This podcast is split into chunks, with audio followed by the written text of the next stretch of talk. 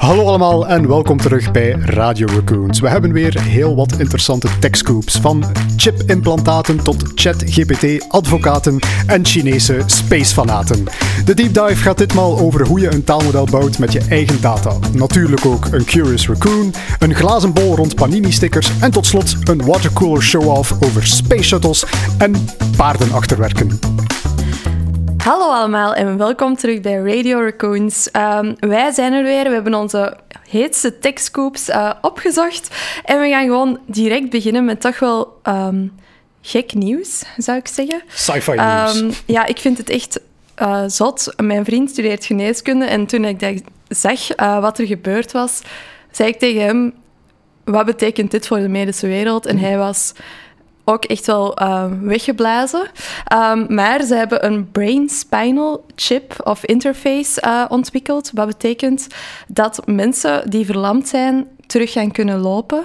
Of in ieder geval, ze hebben het nu uh, werkend gekregen met een Nederlandse man die tien jaar geleden verlamd is geraakt door een ongeluk. Uh, dus zo, zowel zijn armen, zijn benen, zijn romp waren verlamd. Hij kon niet meer uh, stappen. Uh, maar nu hebben ze eigenlijk die neurologische link die dat je hersenen en je ruggengraat normaal gezien hebben, terug kunnen, kunnen maken door een interface in zijn brein of ja, te implanteren. Waardoor dat als hij een um, stimulus aan zijn spieren wilt geven, dat die ook effectief doorkomt. dus als hij beslist, ik wil nu een stap zetten wordt er ook effectief een stap gezet. Um, hij kan nu 100 meter lopen, wat echt wel... Allez, het hm. klinkt niet veel, maar voor iemand die verlamd is, is dat echt super uh, veel. Hij kan ook recht gaan staan zonder zijn handen te zetten. Hij kan een tijdje ook recht staan. Um, en dat zijn echt wel um, ja, zotte ontwikkelingen ontwikkelingen in de medische wereld. En dan ook um, Elon Musk, zijn Neuralink, uh, een van zijn start-ups die dat hij heeft is nu um, goedgekeurd uh, door de FDA, dat is de Food and Drug Administration in Amerika, um, om op mensen te testen. Dus dat is ook weer zo'n breakthrough in die um, breinimplantaten. Het is wel iets anders, uh, een, andere, ja, een andere technologie toch wel, want het is eerder dat je brein met een computer zou uh, communiceren. Dus rechtstreeks op je brein, inderdaad. Ja. Dus in plaats van dat we ergens in je nek in een plantaatje zetten om wat signalen te, te vertalen ja. naar de rest van je lichaam, is het echt wel van: kijk, we gaan elektroden in je hoofd steken. Ja. En we gaan eigenlijk in twee richtingen communicatie mogelijk maken ja. met computers. Het is echt wel science fiction een beetje. Als ik het hoorde of las, um, wat dat hem allemaal wil doen of wat zijn visie daarmee is, vind ik dat ergens wel beangstigend. Um, dat mijn brein met een computer rechtstreeks gaat kunnen communiceren. Um, maar zijn idee is eigenlijk dat als AI we hebben het er al over gehad dat AI misschien slimmer gaat worden dan de mens. De, dat de enige manier om, de, om, ons mens, om de mensheid te redden, zal ik maar zeggen, om het heel dystopisch te, te stellen, uh, om AI te laten samenwerken met je menselijk brein. En dat zou dan door die chip kunnen. Maar om het nu iets praktischer en iets uh, realistischer te zeggen, willen ze het nu vooral gebruiken voor mensen met beperkingen. Dus de eerste, eerste visie zou zijn van bijvoorbeeld patiënten die Parkinson hebben, dat die, ja, die heftig trillen, dat die trillingen zouden verminderen. Mensen die uh, blind zijn, dat die terug in hogere resolutie zouden kunnen zien. Mensen die uh, doof zijn, dat die beter kunnen horen. Dus ja, er zijn echt wel goede maatschappelijke toepassingen. het is niet alleen science fiction, um, maar ja, een collega van ons zei daar juist nog, ja, wie weet dat je dan gewoon een, uh, ja, een pakketje kunt downloaden, uh, Frans spreken, en dat, dat het dan in je brein zit, dat je gewoon alle talen kunt spreken die dat je downloadt en um, dat iedereen ja, multilingual wordt. Um, je zou ook elkaars gedachten kunnen lezen. Telepathie zou ook mogelijk zijn. Het is echt wel science fiction. Maar ja, Elon Musk heeft nu de toegang ertoe om het te testen op mensen. Um, en ik ben benieuwd wat er gaat uitkomen. Ja, een beetje controversieel wel, want er zijn zo een paar nieuwsartikelen ook uitgekomen rond de dierentesten die ze uitgevoerd hebben, die ook niet altijd... Mm -hmm. Zeker als je de beschrijvingen leest, klinkt het toch wel een beetje als horror-experimenten die worden ja. gedaan ja, rechtstreeks in het brein. Ik vind dat maar, toch wel eng, ja. Natuurlijk, ja, het heeft, het heeft twee zijden. Enerzijds is er de, de sci-fi visie van, kijk, mm -hmm. we gaan onze computers en onze breinen samenbrengen tot iets dat uh, het beste van beide werelden gaat gaan combineren. Maar natuurlijk, ja, uh, ook hoe dat je daarover denkt, is bijna irrelevant, want mm -hmm. waar zijn ze het nu vooral op aan toepassen? Ja, dat zijn die mensen die, die een beperking Die hebben. nodig en, hebben. en ja, leg maar een keer uw ethische issues uit aan iemand die locked in in zijn bed zit en er komt mogelijk zijn technologie aan om die persoon te laten communiceren en te Mhm. Kunnen laten werken. Ja, dat is Ja, dat, dat kun je eigenlijk alleen maar aanmoedigen, hè, zoiets. zo'n Allee. dingen. Wat er daarna met die technologie Ja. gaat gebeuren, dat is natuurlijk altijd een vraag. Ja. Ehm, gezegd van, het is misschien eng om uw brein met een computer te laten praten. Het omgekeerde is volgens mij nog veel enger. Uw computer die met uw brein dat- praat. Dat, dat bedoelde ik. Dus hè, wie weet dat de computer dan, ik weet niet, een virus Ja. eh, in je hersenen kan steken. Ik weet niet hoe dat gaat werken. Hè. Of- of dat maar dat je dat het- je ineens overgenomen bent door je computer en dat die u laat bewegen zoals ehm, die computer dat dan wilt. Allee, ja, dat is nu wel echt heel science fiction-achtig, maar het komt toch dichterbij als zoiets bestaat, niet? We kunnen het zelfs heel simpel houden. Stel je voor, je downloadt dat Frans taalpakketje, maar iedere keer als je cola zegt in het Frans, dan wordt het een Pepsi. Exact. Dat is, dat is de soort Ja. eh, eh, saaie dystopische toekomst die ons Ja. misschien wel te wachten staat met, Ja, die, of met die ehm, technologie. je, je downloadt een, een taal die dat je helemaal niet kent. Allee, Frans, daar kennen we nu de basics nog wel van. We gaan wel begrijpen misschien als we iets zeggen dat helemaal niet klopt. Maar stel Arabisch, ik kan dat niet spreken.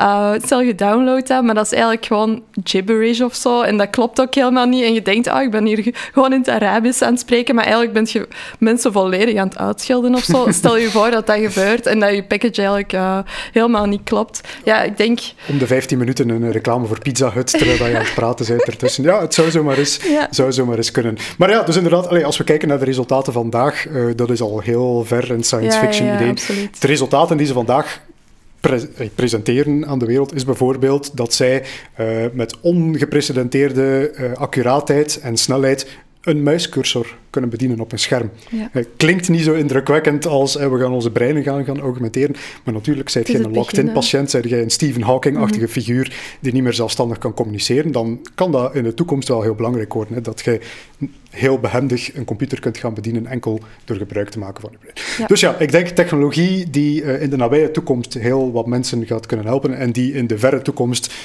enorme implicaties heeft waar dat we vandaag de dag nog niet eens bij, bij kunnen met ons verstand. Mhm. Het wordt uitkijken waar dat het naartoe gaat. Ja. Ik denk dat we misschien ook naar het volgende item kunnen Mhm. overstappen. Eh, iets, iets helemaal anders van nieuws. Eh, ook, ja, nee, het is geen science fiction meer, want we hebben het eigenlijk al een beetje gedaan. Maar eh, ja, de geschiedenis rijmt een beetje, want de Space Race is terug begonnen. Back Hoera! on. We zijn terug in, in de gouden tijden van de ruimtevaart aanbeland. Maar deze keer gaat het niet meer tussen de VS en de Sovjet-Unie, maar is het nu natuurlijk China die hele grote ruimteambities heeft. En zij hebben aangekondigd dat zij van plan zijn om tegen 2030 met menselijke astronauten te gaan landen op de maan. Ja.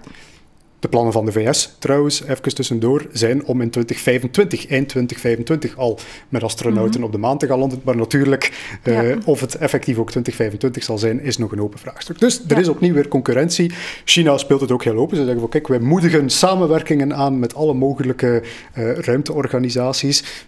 In de marges lees je dan ook dat ze dat vooral vragen omdat zij nu onderhevig zijn aan zware sancties en dus heel wat kennis mislopen. Mhm. Maar eh, zij hebben toch wel de ambitie om naar de maan te gaan en ze nodigen iedereen uit eh, om eraan te gaan meewerken. Dus ik kan maar gewoon zeggen, als ze nog astronauten zoeken, ik wil gerust wel, wil ik wel met de Chinese Je wilt je dat wel, David? ik wil Ehm, met de tweede vlucht gerust wel eens gaan meevliegen met dat eh, Chinese apparaat. Met veel plezier.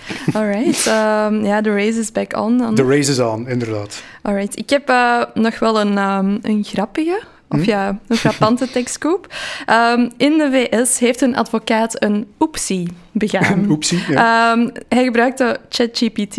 Ik denk dat iedereen dat ook Zoals al wel allemaal, doet. hè? Ja, Ja. allee, ehm, no shame there. Om gerechtelijke dossiers op te maken.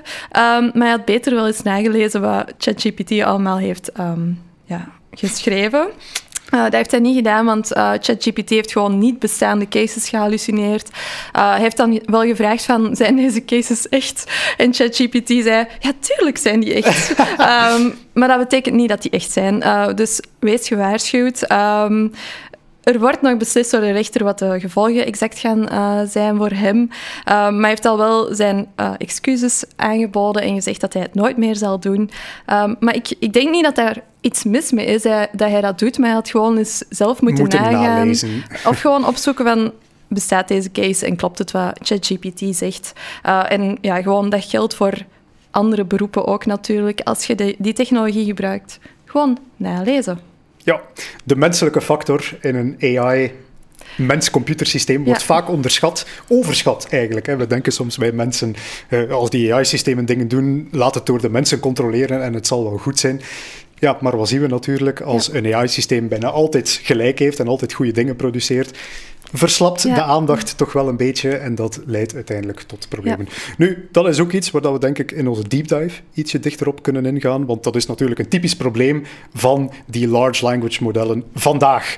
Namelijk dat die informatie hallucineren, dat die Ja. niet zomaar factuele informatie beschikken, maar dat ze het eigenlijk een beetje uit een duim Ja. moeten gaan. Maar daar wordt straks. ook heel druk aan gewerkt om ervoor te zorgen dat we dit soort eh, flaters niet meer zullen gaan tegenkomen. Ik denk, mijn eh, volgende tekstcoop is, is eigenlijk daar heel hard aan gelinkt. Eh, ik denk voor de mensen met jonge kinderen zal het alleszins heel bekend klinken. Minecraft, Ja. het spelletje onder de jeugd, Lego in computervorm min of meer, waar je dan in blokjes dingen kunt gaan bouwen enzovoort. Nu, Minecraft is enerzijds een heel populair spel voor kinderen, maar is anderzijds ook een heel populair ja, hoe moet je dat zeggen, een heel populaire omgeving voor het onderzoek naar zelfstandige AI-agents. Dus waar, willen we eigenlijk naartoe? Dat is dat we zeg maar robotten in de echte wereld kunnen gaan loslaten en dat die robotten plannen kunnen gaan maken, kunnen gaan navigeren, kunnen zien van bijvoorbeeld ik moet naar de winkel geraken. Ah, om naar de winkel te geraken moet ik eerst op de bus springen bijvoorbeeld, om daar, dus zodanig dat hij die plannen kan gaan formuleren. En Minecraft is ja, een, een zeer geliefd onderzoeksobject geworden, omdat dat dus zo'n virtuele wereld aanbiedt. En omdat Minecraft ook vol zit met taken waarbij dat je eigenlijk met substapjes Ja. moet gaan werken. Bijvoorbeeld, voor AI-onderzoeker, de belangrijkste benchmark is de Obtain Diamond benchmark. Kan een AI-systeem in Minecraft aan een diamant En daarvoor moet je verschillende stapjes uit. En daar moet je verschillende Ja. stappen, want diamanten kun je alleen maar eh, mijnen met de juiste pickaxe, heet dat dan, Ah, ja. met de, de juiste pikhouweel. Eh, die moet gemaakt zijn van een bepaald materiaal. Dus je moet eerst dat materiaal gaan zoeken, dan moet je die materialen gaan spelten, daar moet je pickaxe gaan maken en dan moet je uiteindelijk nog die diamant gaan vinden. Dus dat is echt een, een, een hele uitdaging Ja. voor AI-systemen, omdat die toch wel vooruit moeten kunnen gaan denken en kunnen Mhm. gaan plannen. En dat is dus echt, ja, daar is een benchmark voor, daar worden wedstrijden rond georganiseerd om een om ter best AI-systeem te gaan maken. En de nieuwe kampioen, de nieuwe kampioen in die categorie, die maakt gebruik van die taalmodellen om het plannings- en redeneringsvermogen van die AI-systemen beter te maken. Ja. Want neurale netwerken die zijn, die, die, die hebben een soort brein, kunt je maar zeggen. En, en de plannen die die maken en de informatie die die hebben, die zit daar ergens in, maar we hebben daar heel weinig controle over. Eh, Het typische probleem met die hallucinatie ook, hè, van, van die doet maar wat en we weten niet echt waarom. Daar hebben ze dus een taalmodel voor gebruikt om ervoor te zorgen dat dat systeem eigenlijk zijn plannen in natuurlijke taal kan, Kan gaan formuleren uitleggen. en daarna ook kan gaan uitlezen. Dus alles wat dat, systeem leert over de wereld, formuleert hij in natuurlijke taal en wordt nadien gebruikt als een gehe- geheugen voor zo'n systeem. Dus dat is heel interessant. Hè, voor, men heet dat dan de reinforcement learning categorie binnen artificiële intelligentie. Dit zou misschien, ook daar zullen taalmodellen een grote rol in gaan spelen, om eigenlijk zeg maar een soort ja, semantisch brein, een, een, een taalkundig brein, een beetje zoals dat wij dat hebben, te gaan invoeren in die systemen, zodanig dat zij ook, net zoals wij, in natuurlijke taal kunnen Ja. gaan redeneren. Dus het zou wel verder gaan dan enkel Minecraft. Minecraft Is eh, gewoon we- een experiment. Het is inderdaad Ja. niet omdat we eh, om een of andere reden geïnteresseerd zijn in hele goede digitale Minecraft-spelers Mhm. om op je favoriete Minecraft-server te gaan spelen of zo. Nee, eh, dit is echt een, een soort speeltuin, een digitale speeltuin, waarin dat we dat abstract redenerings- en Ja. planningsvermogen willen gaan aanleren, in de hoop dus inderdaad dat we die dan nadien in de echte wereld ook kunnen gaan inzetten en dat die dus ook echte plannetjes kunnen gaan maken en echte eh, acties kunnen gaan uitvoeren. Alright. Dus Exciting. de, de weg naar een huishoudrobot, eh, een robot die bij u thuis de, de was komt doen enzovoort enzoverder, zal misschien verlopen via Minecraft en het onderzoek die we daar vandaag de dag in aan het doen. Alright. Ik had nooit verwacht dat Minecraft zo belangrijk zou zijn voor de AI-wereld, maar blijkbaar wel dan. Ja, kijk, als uw zoon of dochter eh, verslaafd is aan Minecraft, weet dan, ze zijn Ja. misschien eh, aan Bezig het met de toekomst. AI-playground van de toekomst. Ja, alright. Volgende tekstcoop. Yes? Ehm, Meta heeft een boete moeten betalen. En het was niet min. Ehm, ze hebben 1,2 miljard dollar moeten betalen voor een GDPR-boete. Ook een optie, zoals ze een zeggen. Een oepsietje, een grote optie. Uh, grootste boete ooit in het kader van GDPR. Um, omdat ze Europese data hebben doorgesluist naar Amerika. En ja, dat mag allemaal zomaar niet.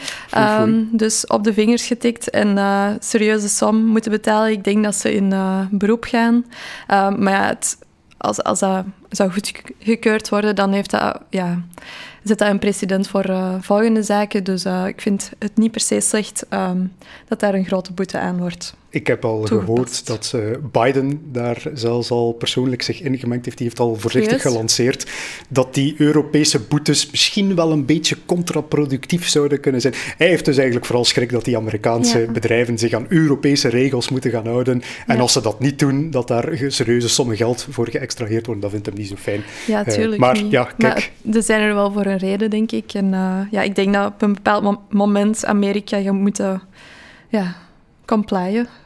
Ofwel boetes betalen. Ja. En dat gaan ze nu moeten doen. Ik heb de uitspraak al gehoord van de technologie van vandaag uh, wordt ontworpen in de VS, uh, gemaakt in China en dan de regels die worden gemaakt in Europa. Ja. Dus het is misschien nog wel een leuke manier om er tegenaan te kijken, wij als Europa, als de, Ja. de strengste regelmensjes, om uh, de rest van de wereld een beetje ethisch te kunnen krijgen. Ah, wel, niet slecht om uh, die rol te spelen, denk ik. Hè? Voilà, inderdaad. Ik denk, als het gaat over ethische artificiële intelligentie, denk ik dat we ook wel eens moeten gaan spreken over alweer een open brief die is gelanceerd Ja. door OpenAI. OpenAI schrijft precies wel heel graag Ja. eh, open hebben- brieven en Ze hebben ook wel een makkelijke tool om brieven te schrijven, natuurlijk. Ze vragen het misschien zelf van lanceer om de week een nieuwe openbare brief rond de gevaren van artificiële intelligentie, wie Ja. weet. Maar ik vond het, eh, ja, ik, ik ging er bijna geen aandacht aan besteden. Het enige interessante eraan vond ik wel, is dat ze, die open brief is één zin. dat is geen lange brief. Ja, dat is inderdaad geen lange brief. En het is misschien inderdaad wel slim eh, dat ze niet te veel details hebben toegevoegd, want het is een heel vaag algemeen statement. Eh, de, ehm, het risico omtrent uitsterving rond artificiële intelligentie. Dat risico zoveel mogelijk minimaliseren moet een globale prioriteit worden, net zoals, eh, wat zeggen ze hier, de kernoorlog en pandemies en klimaatverandering dat ook vandaag zijn op globaal niveau. Dus ze zeggen eigenlijk niet te veel specifiek, maar ze zeggen gewoon van kijk, dat risico van AI die ons allemaal komt uitroeien, daar moet vandaag de dag al heel serieus over nagedacht worden. Ja. En onze goe- goede vriend George Hinton heeft dat bijvoorbeeld onder andere al ondertekend, dus daar staan ook weer een aantal grote namen op. Dus ja, die, die ondersteunen dat statement wel. Tegelijkertijd zijn er ook al heel wat geluiden van, "Ugh, zij is hier weer al met een ja, open brief. Het is, het is wel gemakkelijk om gewoon ja, die ene zin op te schrijven, maar geef me eens voorbeelden dan. Hoe wilt je dat aanpakken? Allee, dat vraag ik mij dan zo af als je dat dan lanceert. Van, zit er dan toch een paar voorbeelden of actiepunten? Of, allee, je kunt altijd beloftes maken, maar... Ja, En ja, om de hypocrisie een beetje compleet te maken, misschien dan heb je een ander nieuwsartikel waarin Sam Altman, Sam Altman de CEO Ja. van OpenAI, verklaart van ja, maar als we ons niet kunnen houden aan die Europese regels, dan zijn we gewoon weg. Ja. Eh, dus dus eh, eh, ze zijn heel erg fan van oproepen tot actie, maar het moment dat er actie wordt ondernomen... zolang zo- dat het niet te moeilijk wordt. Ja, zolang Ah, dat het hen niet te veel treft en vooral de rest een beetje buitenuit, zal het allemaal wel goed zijn. Dus dat is toch wel een beetje een, een controversieel iets vandaag de dag. Ja, alright. Eh, wel een interessante weer. Eh, dat zijn onze techscoops ook. Yes, Ehm, dus dan zijn we klaar voor onze deep dive. hè? helemaal. Alright, Daphne, dan gaan we meteen in onze deep dive vliegen. Ehm, ook weer eentje die is, is aangespoord tot, eh, door een aantal techscoops die we Ja. zijn tegengekomen in de eerste. We hadden het al eens vermeld, de advocaat die ChatGPT gebruikt om eh, wettelijke documenten te maken en dan last krijgt van allerlei hallucinatieverschijnselen, zoals we Ja. dat wel noemen. Eh, maar een andere is bijvoorbeeld ook dat Apple onlangs aan alle werknemers verboden heeft om OpenAI, ChatGPT te gaan gebruiken uit risico dat er informatie zou lekken naar derde partijen. En ja, dat heeft eigenlijk ook alweer een discussie gestart bij ons eh, rond eigenlijk ja, ook een beetje de nummer één vraag die we krijgen van onze klanten, namelijk hoe kan ik mijn eigen ChatGPT Ja. verkrijgen? Zonder dat dat allemaal naar OpenAI gaat. zonder dat ik daarvoor moet gebruik maken van OpenAI. En ik denk, ja, er, er, is, het, is, het is wel een antwoord die, die meerdere elementen bevat. De, de, de, in de eerste laag natuurlijk zitten we daar met die OpenAI. Mm. we zitten met een Amerikaans bedrijf, met een API die gebruikt kan worden, maar uh, waar dat er geen ijzersterke garanties zijn rond wat doen ze eigenlijk met die data die je naar hen toestuurt. Gebruiken ze dat om eigen systemen te gaan bijtrainen? Dus dat is eigenlijk wel een groot risico, mm -hmm. waar, waar veel bedrijven heel terecht een beetje van, van af willen. We hebben het er natuurlijk al over gehad, over de open source taalmodellen die er vandaag de dag zijn. Dus, dus een eerste belangrijke element daarin is van, we gaan afstappen van die open AI systemen, de gratis systemen met, uh, zonder datagaranties, en we stappen over naar iets anders waar mijn data wel veilig zit. De beste manier om dat te garanderen, uh, enerzijds OpenAI is ook aan het werken aan private ChatGPT's, waar heel veel advocaten hele mooie contracten zullen opstellen die u dat ijzersterk garanderen. En die ook super duur zullen zijn waarschijnlijk. Die zullen ook super duur zijn. Maar het alternatief is dus die open source modellen die je dan volledig lokaal gaat gaan installeren. En dan heb je natuurlijk de ijzersterke garantie dat er geen data uit je bedrijf ontstaat. Maar dat het misschien ook wel niet zo goed is als die van OpenAI? Ja, dat is, dat is, inderdaad vandaag de dag nog altijd een gegeven. Nu natuurlijk, als we kijken naar uh, ja, een beetje hoe snel dat het allemaal wel niet vooruit gaat vandaag de dag, ben ik zeker dat die open source taalmodellen in, in de nabije toekomst uh, heel competitief zouden zijn. Uh, leuk weetje trouwens, het meest competitieve AI-model sinds deze week. Mhm. Ehm, is niet uitgebracht door, door een of ander uh, Meta, Google uh, of een Stanford of een Harvard of zo. Maar door het Abu Dhabi Instituut voor Innovatie. Okay. Zij hebben uh, het, het, het Falcon-model uitgebracht. En, en die scoort vandaag de dag helemaal bovenaan de leaderboards als het aankomt op large language models. Ook iets dat ik trouwens deze week geleerd heb, is dat er een leaderboard bestaat waarop dat al die large language models met elkaar worden vergeleken. En uh, weet je toevallig hoe dat die gebenchmarkt worden? Of uh, is het gewoon... Ja, er zijn een aantal benchmarks. Um, specifiek, bijvoorbeeld, ze hebben een benchmark die specifiek gaat over het verzamelen van vragen die gesteld worden over, en typisch zo geschiedkundige topics. Mm. wie heeft de slag bij Austerlitz gewonnen? Ja. dus het gaat wel echt om die accuraatheid. Ja, dat is, dat is ook het doel echt, hè, van, van een systeem te bouwen die op zoveel mogelijk vragen zo accuraat mogelijke antwoorden kan geven. Dus daar staan wiskundevragen in, daar staan geschiedenisvragen in enzovoort. En zo evalueren ze eigenlijk hoe goed zo'n AI-systeem werkt. Okay. Nu, dat is maar één aspect ervan. Nu spreken we nog altijd over die algemene informatie. Want stap 1, we nemen een open source taalmodel.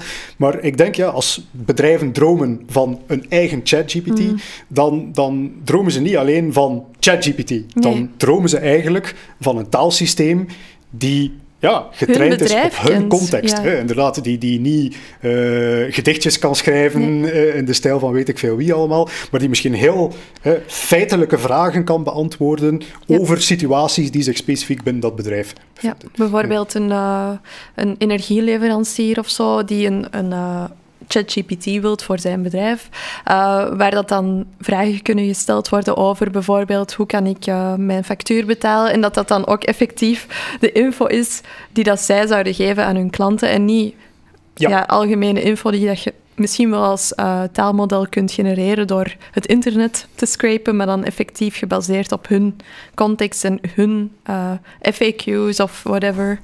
dus inderdaad, ja. als die advocaat eh, hun eigen databanken van wettelijke informatie gebruikt, eh, dan wil je eigenlijk dat je AI-systeem die informatie één op één kopieert, niet zelf dingen gaat beginnen verzinnen. Want natuurlijk, ja, zo'n zo OpenAI-chatsysteem, die, die heeft geen toegang tot een of andere informatiedatabank, dus alles wat hij vertelt is eigenlijk volledig gehallucineerd en, en ja, mhm. zelf bedacht. Nu, eh, daar willen we een oplossing voor. Dat is waar dat iedereen vandaag de dag naar op zoek is van, kunnen we ja. ja die AI-systemen voeden met feitelijke informatie om zo het mhm. hallucinatieprobleem te gaan verminderen. Ja.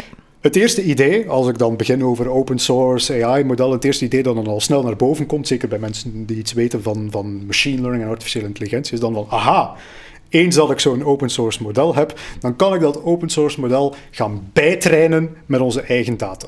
Zoals je elk machine learning systeem traint, van hier is een hoop data, mm train, train, train, train, een paar dagen desnoods. Maar dan gaat dat systeem eigenlijk alles weten wat dat er moet weten. Ik heb het gevoel dat je nu gaat zeggen, maar, Maar. dat werkt niet zo. Maar dat werkt niet zo, Ja. inderdaad. Dat is inderdaad wel een probleem. Want eh, eh, ik, ik denk dat ik de vergelijking of, of de, de, eh, de metafoor al eens gebruikt heb, plassen in de zee, bij Ja. wijze van spreken. Dat, is, dat is een beetje het probleem die daarbij ontstaat, van, van jij hebt een relatief beperkte hoeveelheid data, hoeveel het ook mogen zijn.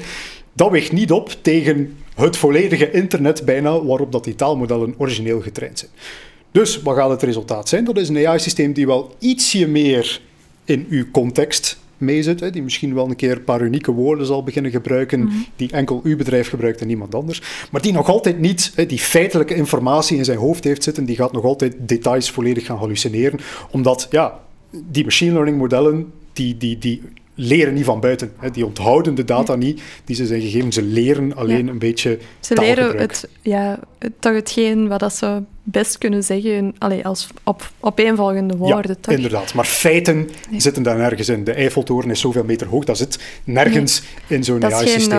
eh, geen zin die altijd samengaat. Ja, wel, de reden waarom dat zo'n AI-model toch vaak het juiste antwoord zal geven, ik durf te wedden als gevraagd hoe hoog is de Eiffeltoren, is omdat die ja, ergens in dat brein heeft zitten van, ah ja, als mensen spreken over de lengte van de Eiffeltoren en, eh, ik, ik kan nu iets Ja. verzinnen, het is waarschijnlijk mis, 300 meter, Ja. aha, hè, dat wordt altijd naast elkaar gebruikt Ja. en, en dan zit dat wel goed. Maar gaat je over niche dingen gaan spreken, hoe hoog is eh, ja, een of andere toren hier in België Ja. of zo, dan gaat hij misschien de, de lengte van de Eiffeltoren nemen, omdat dat zo sterk aan elkaar Mhm. Of gecorreleerd misschien is. zelf dat er over de lengte van iets in de Eiffeltoren, een of andere balk, Ja. eh, ergens staat dat dat 10 meter is en dat dan, ja, die statistische probabiliteit is dat waarschijnlijk dan, dat het dan ergens wel erin voorkomt. En, Ja. Ja. Als, daar, eh, allee, als daar meer over gebabbeld wordt dan de effectieve lengte van een Eiffeltoren. ja. Inderdaad, als je vraagt eh, wat is de lengte van de centrale steunbalk van Mhm. de Eiffeltoren, heel goede kans dat hem die steunbalk zal negeren en een antwoord Ja. zal geven op de lengte van de Eiffeltoren. Goed, Ja. dat is het probleem. Dat is ook niet iets dat we zomaar met hertraining gaan kunnen oplossen. Maar daar zien we dus vandaag de dag, en daar zijn we ook effectief nu al dingen mee aan het bouwen, dat er toch wel oplossingen voor zijn. In de meest naïeve opstelling dat je dan misschien kunt bedenken, is gewoon van oké, we nemen al die documenten en we geven dat mee aan ons taalmodel. Net zoals in ChatGPT, dat je kunt zeggen van hier is een beetje achtergrondinfo Ja. en nu gaan we daar een tekstje mee schrijven. Hè, dat je eigenlijk zou zeggen van hier zijn alle documenten die we Ja. liggen hebben Houd daar rekening en mee. nu gaan we een tekstje beginnen schrijven.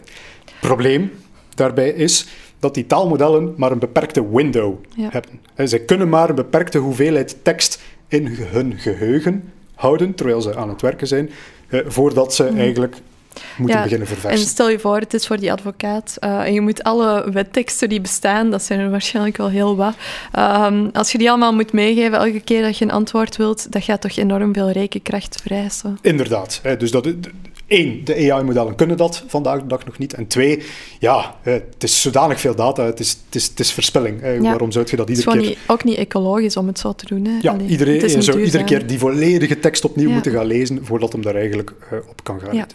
Dus, eh, we zitten hier nu met een centraal probleem. We, we hebben hier feitelijke informatie. En op een of andere manier willen we dat meegeven aan ons taalmodel, Mhm. eigenlijk terwijl dat we er tegen aan het praten zijn.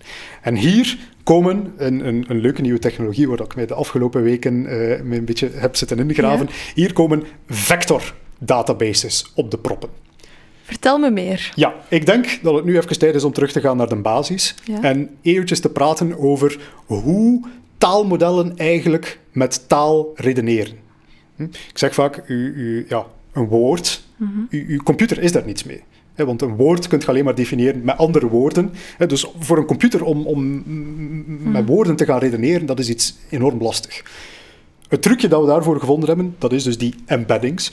Dat is dus om taal te gaan omzetten in cijfertjes. Een heel simpel voorbeeld daarvan zou zijn, ehm, we zouden kunnen zeggen, we definiëren één as en dat is hoe mannelijk of hoe vrouwelijk een woord is. Ja. Dat is één ja, as op een grafiek. Hè. We gaan naar een soort tweedimensionale grafiek toe.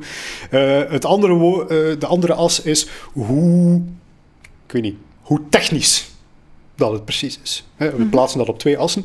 En eens dat we die twee getalletjes hebben, dan kun je daar een hele hoop woorden in zetten. Hè. Een, een, vrouwelijke, een vrouwelijk zeer technisch beroep zou een garagiste kunnen zijn. Hè. Een mannelijk niet zo technisch beroep zou een verpleger kunnen zijn.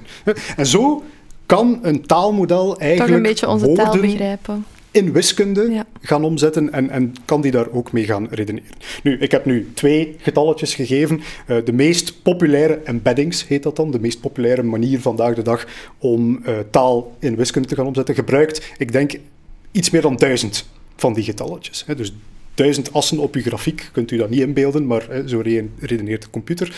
En hè, ergens als je daar één of meerdere woorden aan geeft, plaatst hij dat ergens op die grafiek met duizend assen van waarover gaat dit woord eigenlijk precies. Daarin zit de clue. Hè, want dat is eigenlijk de techniek die vandaag de dag gebruikt wordt om feitelijke informatie te gaan linken aan die taalmodellen. Ja. Want wat doen we eigenlijk? Stel je voor, je hebt een databank eh, met alle offertes die je ooit geschreven hebt. Alle offertes die je ooit geschreven hebt, en daar zijn verschillende categorieën in. eh, de planning, de, de raming van de kosten, eh, wat zit daar nog allemaal in? Een beetje legal mumbo-jumbo dat we erin gaan stoppen, enzovoort enzoverder. Eh, dat heeft verschillende elementen. Wel, als jij elk van die elementen omzet naar zo'n embedding, hm, dan kan zo'n taalmodel nadien wat dat jij daartegen aan het vertellen bent, ik wil graag een offerte maken voor dit en dit en dit bedrijf, ehm, dan kan die uw vraag gaan proberen koppelen aan de informatie die in uw databank staat. Dus dat is vector similarity search, heet dat dan in hele technische termen. Wat gaan we eigenlijk gewoon gaan doen? We nemen uw vraag, we zetten dat om in die getalletjes. We nemen alle informatie die je hebt en we gaan eigenlijk gaan zien van, zijn er toevallig stukjes tekst die qua inhoud heel goed overeenstemmen met waar dat er eigenlijk in die vraag wordt over gesproken. En die informatie wordt dan live opgehaald, meegegeven aan uw taalmodel. Zo van, hey, hier is een beetje achtergrondinfo die ik gevonden heb in de, in de kennisdatabank. En dat wordt dan gebruikt om uiteindelijk een antwoord te geven op de vraag die je hebt gesteld. Dus dat is een beetje de workflow van de toekomst. Een kennisdatabank volledig gevectoriseerd, hè, volledig in, omgezet in die abstracte getalletjes. En dan een taalsysteem die eigenlijk continu alle vragen gaat gaan aftoetsen met de informatie die hem zelf heeft staan. En dan relevante stukjes tekst gaat gaan afhalen Ja. om zo een antwoord te gaan formuleren. Klinkt heel technisch. Ehm, Het is een beetje technisch, Ja. het is een beetje eh, een iets technischer opstelling, maar dat is een beetje de Ja. praktijk van taalmodellen vandaag de dag. Als er mensen zijn, eh, bedrijfsleiders ik of zo... wou net vragen, hoe moet je daar dan nu aan de slag mee gaan als bedrijf? Is dat, ja, kunt je daar zelf mee aan de slag gaan? Of moet je dan relyen op een bedrijf zoals wij, eh Raccoons dan, die dat Commercieel gezien is het natuurlijk interessant als ik nu zeg van bel ons en wij komen u daarin eh, met alle expertise gaan bijstaan. Maar ja, ik wil gerust ook al zeggen voor de mensen die daar zelf mee aan de slag willen, die zelf een beetje een expertise hebben, zijn er ook tools voorhanden. Hè? Ja. Open source tools die, die eigenlijk relatief, gegeven de complexe materie, relatief makkelijk te gebruiken zijn. Zo is er bijvoorbeeld LangChain. Die, die een beetje ja, het nieuwe framework wordt waarin dat al die applicaties worden ont- ontwikkeld. Hè. Die maken het heel gemakkelijk om informatie naar taalmodellen, naar die vectorizers en embedders te gaan sturen, om die teksten te gaan omzetten. hè. Dus die, die maken het heel gemakkelijk om een soort workflow daarin te gaan definiëren, een procesdiagram bijna te gaan definiëren. In combinatie dan met die vector databases, die ook zelf nog eens open source zijn. hè. Bijvoorbeeld Pinecone en Weaviate zijn twee waar ik nu zelf Mhm. mee aan de slag ben gegaan. Die hebben uitstekende documentatie. Hè? Dus daar kun je nu al naartoe Ja. gaan. Die hebben connectoren om daar bijvoorbeeld uw Notion databases aan te verbinden en automatisch alle informatie in uw Notion databases eh, doorzoekbaar te gaan maken ehm, voor uw taalmodel. Ja. Dus de semantische zoekopdrachten, waar dat we vroeger naar op zoek waren, kunnen we zoeken in natuurlijke taal, wordt eigenlijk op die manier gerealiseerd. Alright, dus eh, je kunt er zelf mee aan de slag gaan, maar je kunt ook uiteraard aan ons vragen voor hulp als het nodig is. Ehm, ik zou er alleszins zelf niet mee aan de slag gaan, maar ik ben ook geen technisch persoon. Eh, dus eh, ja, goed. Merci David om wat meer Misschien, uitleg te ja, geven. wel, de, de praktische conclusie is dus wel van deze technologie bestaat vandaag. Ja, het is geen fictie, hè. Het is... nu al zaken mee aan het bouwen. Dus het is niet zomaar bel eens, hè, want, Ja, want nee, we willen nee. er graag eens mee aan de slag gaan. Nee, hier zijn we nu al dingen voor klanten mee aan het bouwen. En dat is gewoon omdat we die vraag opnieuw en opnieuw en opnieuw gesteld hebben gekregen. Hoe krijg ik mijn eigen Mhm. ChatGPT? Wel, er is een antwoord. Er zijn technologieën voorhanden. Mhm. Het gaat alleen maar relevanter worden, denk ik. Hè? Ja. Alright, dan eh, gaan we over naar onze Curious Raccoon. Ook een vraag die met eh, ja, AI te maken heeft. Ehm, dus laten we eens luisteren. Hè? Yes. Alright, we hebben vandaag nog eens een uh, live Curious Raccoon bij ons, of toch virtueel. Uh, Michiel uh, heeft een vraag over generative AI en we gaan direct eens luisteren, hè, Michiel? Hallo, dag Daphne. Hallo. Um, dus fake news is, is op zich niet iets nieuws. Het bestaat al even, maar met iedere podcastaflevering kom je wel terug met nieuwe generaties van uh, generatieve AI. Heel, het wordt heel makkelijk en in mijn gevoel voor iedereen om nieuwe tekst, afbeeldingen, video, audio te genereren. Hoe kunnen we ervoor zorgen dat, ja, dat we basically op het einde van de rit nog iets mogen geloven online? hoe weten we wat dat wel echt en wat niet echt is? Mhm. Ja, ik denk een, een heel terechte vraag, Michiel. En, en een vraag waar ja, heel wat mensen zich toch ook nu mee aan het bezighouden zijn. Onlangs nog, ik denk deze week, een nieuwsartikel zien uh, passeren over ja, iemand bij Microsoft die claimde dat ja, die deepfakes toch wel het grote onmiddellijke gevaar zijn als het gaat om die hele generatieve AI-hype. Dus, dus er zijn heel wat bezorgdheden die we ook al uitgebreid besproken hebben, maar die zien zij meer op de lange termijn. Zij denken nu echt wel van, ja, kijk, op de, de, de, de jaren die eraan komen, gaan die deepfakes echt toch wel het, het grootste gevaar vormen voor onze maatschappij. En mhm. we zien dat trouwens ook al in de praktijk terugkomen. Ik, ik ben deze week nog naar uh, een lezing gegaan van een advocaat die praat over het gevaar van artificiële intelligentie. En daarbij heeft zij eigenlijk aangehaald dat blijkbaar Elon Musk uh, een nieuwe primeur te pakken heeft, want hij heeft gekozen voor uh, de fameuze deepfake defense, uh, de deepfake verdediging, okay. waarbij dat hem eigenlijk geconfronteerd werd met bepaalde uitspraken. Ik dacht over hoe veilig zijn um, de, de, de autopilot-functie van de Tesla is. En uh, hij heeft er bepaalde claims gedaan dat die uh, perfect veilig zijn, dat je er zomaar mee op de openbare weg uh, kunt gaan. En ja, dat zou nu wel eens een juridisch staartje kunnen krijgen, want die zijn ah. helemaal niet zo perfect. En daarbij hebben zijn advocaten gesuggereerd van, ja, maar ja, wie zegt dat die beelden echt zijn? dat zou wel eens oh een deepfake kunnen zijn. Ja. dus, dus echt wel zo, ja, wettelijke experts zijn daar nu al heel bezorgd om. Vooral ja. omdat het Allee, ja, het is niet eens een twijfelgeval. Mm Iedereen heeft dat gefilmd. Daar zijn meerdere filmpjes van beschikbaar mm van Elon Musk die die claim maakt. En, en ja, ze, ze beginnen nu al schrik te krijgen van ja. ja gaat dat in de toekomst de de facto verdediging zijn als je ergens gefilmd wordt? Ja, en je, Zou, je zou zelf kunnen zeggen van uh, we hebben gewoon verschillende angles gegenereerd en gedeepfaked. Ja. Dus dat zou ook kunnen. Ja. Ja, hoe moet je dat dan nog bewijzen als of, of weten als gewone burger dat, ja, allee, dat is ook de vraag van Michiel, dat, mhm. iets, dat iets een deepfake is of iets niet echt is. Hè? Hoe moeten wij ons daartegen wapenen? Wat is uw mening daarover? Ik, ik, ik denk, het is, het, is, het is zeker een vraag die nog geen perfect antwoord heeft. We zijn nog altijd aan het zoeken naar, naar de oplossingen. En ik denk, het heeft, het heeft twee dimensies die we even moeten bespreken. De, het heeft de publieke dimensie van fake news, en namelijk van, van fake news gaan verspreiden voor de massa en daar allerlei uh, valse feiten aan proberen te gaan verkopen. En, en misschien de, de private fake mhm. news, hè, namelijk van wat we hier nu net tegenkomen, van er is videobewijs van jij die een misdaad pleegt en jij die dan zegt van ja, maar ja, dat is niet echt. wie zegt er dat dat, mm dat dat wel echt is? Ik denk die eerste, daar, daar wordt het meeste over nagedacht, want uh, daar hebben we natuurlijk de schrik van, we gaan daar verkiezingen mee gaan manipuleren, hè, dat gaat een heel grootschalige impact hebben. Uh, daar lijkt de oplossing vooral te bestaan uit bronvermelding, min of meer. waarbij dat bijvoorbeeld Google ook al oplossingen gepresenteerd heeft. Google heeft op Google I.O en nu over gesproken, ik weet het niet meer zeker. Mhm. Eh, maar daar hebben zij ook al gepresenteerd dat zij AI gaan gebruiken om afbeeldingen te herkennen en eigenlijk te gaan opzoeken van die afbeelding. Hè, bijvoorbeeld uh, een of andere historische afbeelding, uh, Obama die een speech geeft en iets aan het vertellen is. hebben wij die beelden al langer in ons archief. Hè. Als Obama iets gezegd heeft, dan moet het al bestaan minstens sinds, wat is het, 2008 eh, of zoiets, mhm. tijdens zijn presidentschap. Dus als wij kunnen bevestigen dat die beelden al sinds 2008 op het internet staan, eh, dan zijn we er redelijk zeker van dat dit echte beelden zijn en niet iets dat iemand recent door een deepfake systeem heeft laten maken. Natuurlijk, dat zijn historische beelden.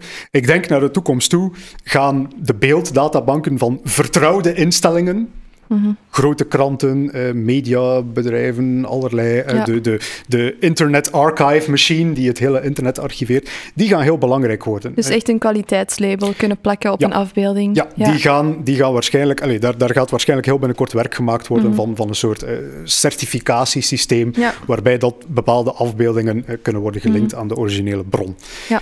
anderzijds komt er ook hele strenge regelgeving omtrent eh, Europa, VS, China zijn Mhm. allemaal unaniem. Alle AI-wetgevingen hebben bepalingen rond het verspreiden van fake news Ja. met AI-afbeeldingen. Dus één aspect van hoe gaan we dat tegengaan is gewoon van als we u snappen en we kunnen bewijzen dat, we, dat je fake news hebt verspreid zonder daar disclaimers bij te zetten, dan ga je daar serieuze, serieuze boetes voor gaan, Ja. eh, voor gaan betalen. Dus dat is, dat is die hele publieke dimensie. Daar denk ik dat het uiteindelijk wel nog goed komt. Mhm. Ja. Eh, als er iemand vandaag de dag een Photoshop maakt van, van een Russische, eh, de Sovjetvlag op de maan, dan weten Mhm. Ja. wij allemaal van, ja, dat is... En het is zo gemakkelijk, hè? want David, David en ik hebben deze ochtend nog met de nieuwe Photoshop beta gespeeld om een afbeelding van ons te photoshoppen. En dat is echt... In een mum van tijd kun je een heel eh, reële afbeelding eigenlijk maken door gewoon een paar prompts in te typen in Photoshop. En dan maakt het allemaal... Allee, je had altijd al fake news, hè. je kon altijd photoshoppen, ook voor generative AI een hype werd. Als je het wou, dan kon je wel fake news verspreiden. Uh, Ja. Maar nu is het gewoon nog zoveel gemakkelijker. En ik denk dan inderdaad dat die wetgeving en zo alleen maar belangrijker gaat worden. Hè? Ja, er komt gewoon meer Photoshop op ons af. Eigenlijk is er niets fundamenteel veranderd. Photoshop Nee. bestaat al even, er komt er gewoon meer op af. En ja, mijn voorspelling is ergens ook van, wij, wij gaan misschien nog in een overgangsperiode ons bevinden waarin dat we ons nog een paar keer laten vangen Ja. hè, door die AI-gegenereerde beelden. Ik, ik denk bijvoorbeeld aan de paus met zijn hippe Ja. Mhm. jas aan die over het hele internet verspreid is geweest. Maar in de toekomst gaat dat hetzelfde zijn, net zoals dat wij Ja. tegen zo van die duidelijke Photoshops aankijken van ja, dat kan toch Ja. helemaal niet. Het is ook wel sensibiliseren. Hè? En ehm, ik mag misschien wel een primeur weggeven. eh, want Michiel en ik hebben eh, voor Helden van het Internet een, eh, een televisieprogramma op GoPlay dat momenteel aan het draaien is. eh, meegewerkt aan twee afleveringen rond eh, deepfakes en Twitterbots. En die komen in de komende weken eh, op maandag live. Dus zeker kijken als jullie eens willen zien hoe gemakkelijk het is om zoiets te maken. en hoe echt het ook allemaal lijkt en hoe snel mensen daar misschien wel door gevangen zijn. Maar ja, ons doel is natuurlijk wel om te tonen van het is niet echt en het is gemakkelijk om het te maken. Let gewoon op naar wat dat je kijkt en zie dat je gewoon altijd dubbel checkt als het echt uh, raar lijkt of het, of het klopt niet helemaal. Um, ja, gewoon verschillende bronnen checken, denk ik, dat ook heel belangrijk is. En gewoon altijd alert zijn als, uh, als gebruiker. Hè? Ja, dat is natuurlijk die, die publieke dimensie. Hè. Mm. Hoe zorgen we ervoor dat de public knowledge, bij wijze van spreken, een beetje beschermd blijft en dat we daar niet uh, de ene na de andere fake news gaan tussensmijten. Ja, er is nu ook die private dimensie. Als ik een foto neem van u, Daphne, en ik photoshop dat dan, hè, waar jij allerlei rare dingen aan het doen zit, hoe kunt je dan mm-hmm. gaan bewijzen van, is dit een echte afbeelding of niet? En daar zijn er eigenlijk het minst goede antwoorden voor. Ja. We hebben het al eens geprobeerd. Canon heeft bijvoorbeeld is een bestandtype uh, uitgebracht. Ja. We hebben er denk ik ja, al eens over gebabbeld. Ja. waarbij dat zij um, met behulp van encryptie, dat ze eigenlijk cryptografisch zouden kunnen bewijzen dat een afbeelding afkomstig is van een bepaalde camera. Dat is geprobeerd en dat is binnen de kortste keren gehackt geweest. En mensen hadden dan ja. cryptografisch getekende afbeeldingen gemaakt van uh, een Russische cosmonaut op de maan. Om aan te tonen van, hey, dit systeem werkt eigenlijk niet zo goed. Dus daar eh, hebben we helaas nog geen goede antwoorden op. Eh, mm. Hoe gaan we echt van een individuele afbeelding kunnen bewijzen dat het echt is of niet? Eén uh, idee die mensen vaak hebben is van we gaan AI gebruiken om echte van valse afbeeldingen te gaan onderscheiden. Maar ook dat is helaas geen optie, want een AI-systeem die afbeeldingen van echt en vals kan onderscheiden, kan ook gebruikt worden om betere AI-systemen te maken die afbeeldingen kunnen namaken. Dus daar creëert je een soort wapenwetloop mee die mm-hmm. ja, uiteindelijk ook niet echt een oplossing biedt. Dus ja, daar, is, daar zijn serieuze vragen om te stellen van, van ik denk maatschappelijk Grootschalig komt het allemaal wel in orde. Daar gaan we echt wel vertrouwen op het vertrouwen van instituties om te bewijzen of dat public knowledge echt is of niet. Maar ja, voor die heel uh, low-level private aangelegenheden, uh, daar mm-hmm. gaat het misschien toch wel iets moeilijker worden in de ja. komende jaren. Maar ik heb er ook wel vertrouwen in dat daar aan oplossingen gewerkt wordt. Yes. Uitgebreid antwoord. Michiel, ik hoop uh, dat je nog mee bent en dat het ook een, een antwoord was op uw vraag. Absoluut, uh, ja, dankjewel. Ik denk inderdaad, privaat is misschien uh, tricky, want ja, iedereen gebruikt ook waarschijnlijk Instagram-filters en Snapchat-filters. Dus waar is de grens tussen ja, wat je wel en uh, wel te past en niet? Ja.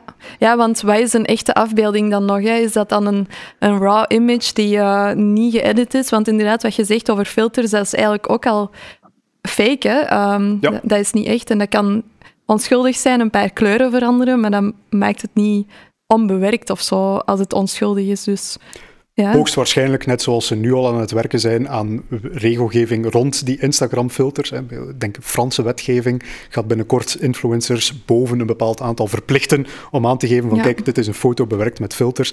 Waarschijnlijk zal dat een groot, uh, groot element worden van die, van die ja, private policing van kijk, we kunnen u niet tegenhouden, die software bestaat, maar als we u pakken, uh, dan gaat je het geweten hebben. En zeker, uh, waarschijnlijk zal er nog speciale wetgeving komen van als je dit in een juridische procedure probeert toepassen, is dit gelijk aan mm misleiding van het juridische apparaat en komt daar nog tien jaar gevangenisstraf boven, bovenop. Oké, ehm, ik denk dat we uh, al wel een heel lang antwoord hebben gegeven, dus dat we uh, naar het volgende segment kunnen gaan. Uh, Michiel, dank u wel voor uw vraag. Als er nog andere nieuwsgierige wasberen zijn, stuur zeker uw vraag in op radio.raccoons.be of naar onze Instagram-pagina radio.raccoons. En dan kom jij misschien wel aan de beurt in de volgende aflevering. Yes. Goed. David, heb jij nog eens in je glazen bal gekeken voor mij? Helemaal. En deze keer kom ik met eigenlijk een beetje out-of-the-box investeringsadvies. Okay. Daphne, heb jij ooit al gehoord van Panini? Ik heb al wel eens een panini gegeten, maar ik vermoed dat ik niet moet gaan investeren in brood. Nee, dat niet. Ik denk als jij een 13-jarige jongen waart geweest met een gezonde interesse voor voetbal, had je nu een ander antwoord gegeven. Want panini is niet alleen een Italiaans broodje, maar ook het bedrijf achter uh, zo de, de plakboekjes met stickertjes. Ah. Mensen met kinderen zullen het ongetwijfeld ook wel weten. als je ergens een of ander uh, zakje hebt met stickertjes in die je kunt verzamelen en dan ergens in een boekje kunt gaan plaatsen, wel, dan is Panini ja. daar ik heb het, zelf, bedrijf Ik heb het voor. zelf ook wel gehad als kind. Ja, het is Ja. een bedrijf die ook al heel lang meegaat. Maar wat heb ik al langs tegengekomen, is dat die bijvoorbeeld in de VS heel geavanceerd bezig zijn met collectibles. Met het verzamelen van, van limited edition zaken enzovoort. Maar dan virtueel of effectief fysiek? Nog niet. Het gaat nog altijd over fysieke kaartjes. Oké. Maar ook zij zijn nu al langzaam maar zeker aan het kijken naar digitale collectibles. Mhm. Dus mijn grote voorspelling is. In de metaverse, een van de allergrootste bedrijven, als het gaat om die digitale assets die je kunt verzamelen en aanzien mee kunt verwerven, zal Panini zijn. Die Ja. daarmee eh, allerlei deals gaat gaan sluiten met bekende voetballers, grote bedrijven Oké. enzovoort. Om zo collectible digitale items te gaan verkopen in de nieuwe metaverse. Gegeven natuurlijk eh, dat de visie van Mark Zuckerberg ooit wel realiteit zal worden. Oké, dus ehm, uw advies voor mij is... Kijk eens naar de aandelen van Koop Panini. Panini-aandelen Oké. en ergens in de komende tien jaar, als je gelooft in Zuckerberg, gaat je daar miljoenen mee verdienen. Even een disclaimer dat ehm, geen beleggingsadvies Dit is geen officieel beleggingsadvies. Geen officieel advies. Dus als jij nu investeert in Panini en het komt niet uit, David zijn voorspelling, dan ehm, geen risico voor ons, denk Ja, ik. Hè? ja, Eh, nee, maar leuke voorspelling. Merci, David. Oké, Daphne, ik heb deze keer een vreemde watercolor show-off voor jou. Oké. Simpele vraag. Wat heeft de Space Shuttle te maken met het achterwerk van een Romeins paard? Eh, geen idee, ik weet niet. Dat er ook heel veel paardenkracht in zit. Eh, eh, close. Het heeft niet zozeer met de kracht van een Romeins paard te maken, maar wel met de breedte van het achterwerk. ja. Nog, nog vreemder.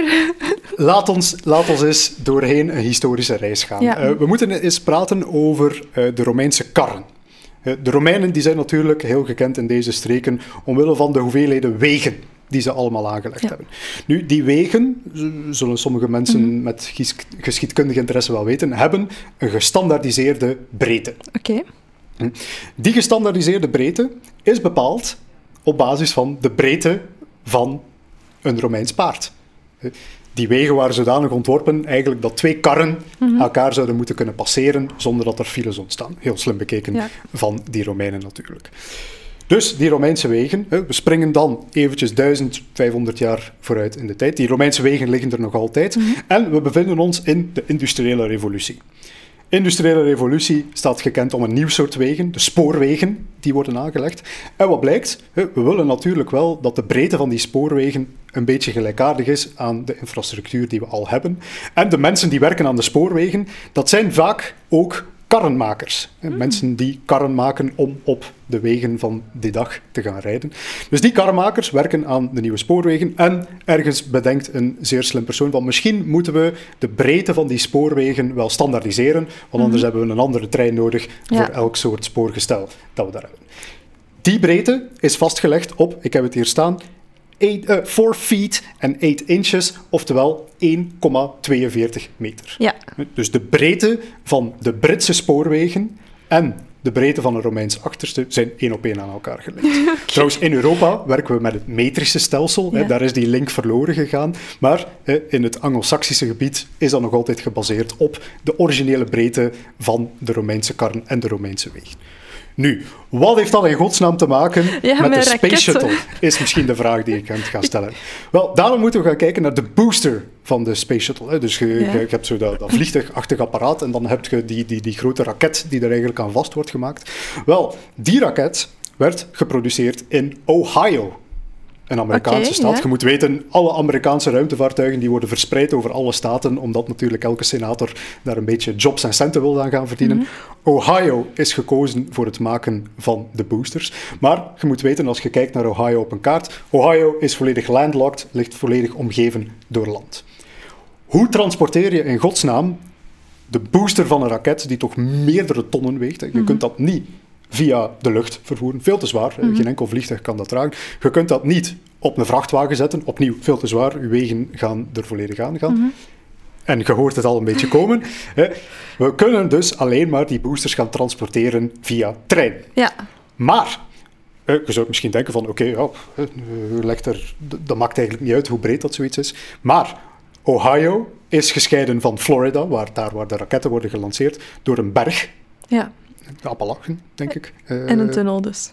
De Rockies. En een tunnel die door die berg gaat lopen. En wat blijkt dus nu uiteindelijk? Hier zitten we op de laatste uh, keten Hier in de link. de breedte van die tunnel is bepaald door de breedte van de spoorwegen. En dus hebben de ingenieurs die de booster hebben ontworpen, rekening moeten houden met de breedte van die tunnel, want dat was namelijk de maximale breedte die ze zelf konden gaan aanhouden om hun raketboosters te ontwerpen. Dus hoe de achtersten van Romeinse paarden uiteindelijk een invloed hebben op de raketten die we vandaag de dag, ehm, die we vandaag de dag gaan, mhm. gaan ontwerpen. Ik denk dat is de reden waarom dat ik zo gek ben op geschiedenis en de invloed die het heeft op de dag van vandaag. Dat is echt wel een zat verhaal. Oké, ja, dat wist ik nog niet. Merci David uh, voor weer een uh, zatte watercooler show-off. ik denk dat mensen dat echt wel um, kunnen gebruiken aan het koffiemachine of aan het, uh, ja, het waterapparaat. Voilà. En dan um, zit onze aflevering er weer op. Yes. Um, ik denk dat we weer iets over tijd zijn gegaan, maar hopelijk was het weer interessant. Ziezo. Als het een vraag heeft getriggerd, stuur ze in. Uh, we zijn altijd op zoek naar uh, nieuwsgierige wasberen of curious raccoons. Um, dat kan je doen via radio.raccoons.be een beetje naar beneden scrollen. Daar staat dan um, een link naar het formulier. Of op onze Instagram-pagina radio.raccoons, die dat je trouwens ook altijd kan volgen. En um, ja, dan uh, zien like wij jullie... share en subscriben natuurlijk. Ja, ja, like, share, subscribe. Als marketingmanager moet ik dat natuurlijk ook zeggen. En dan zien we jullie over twee weken. Yes, tot dan.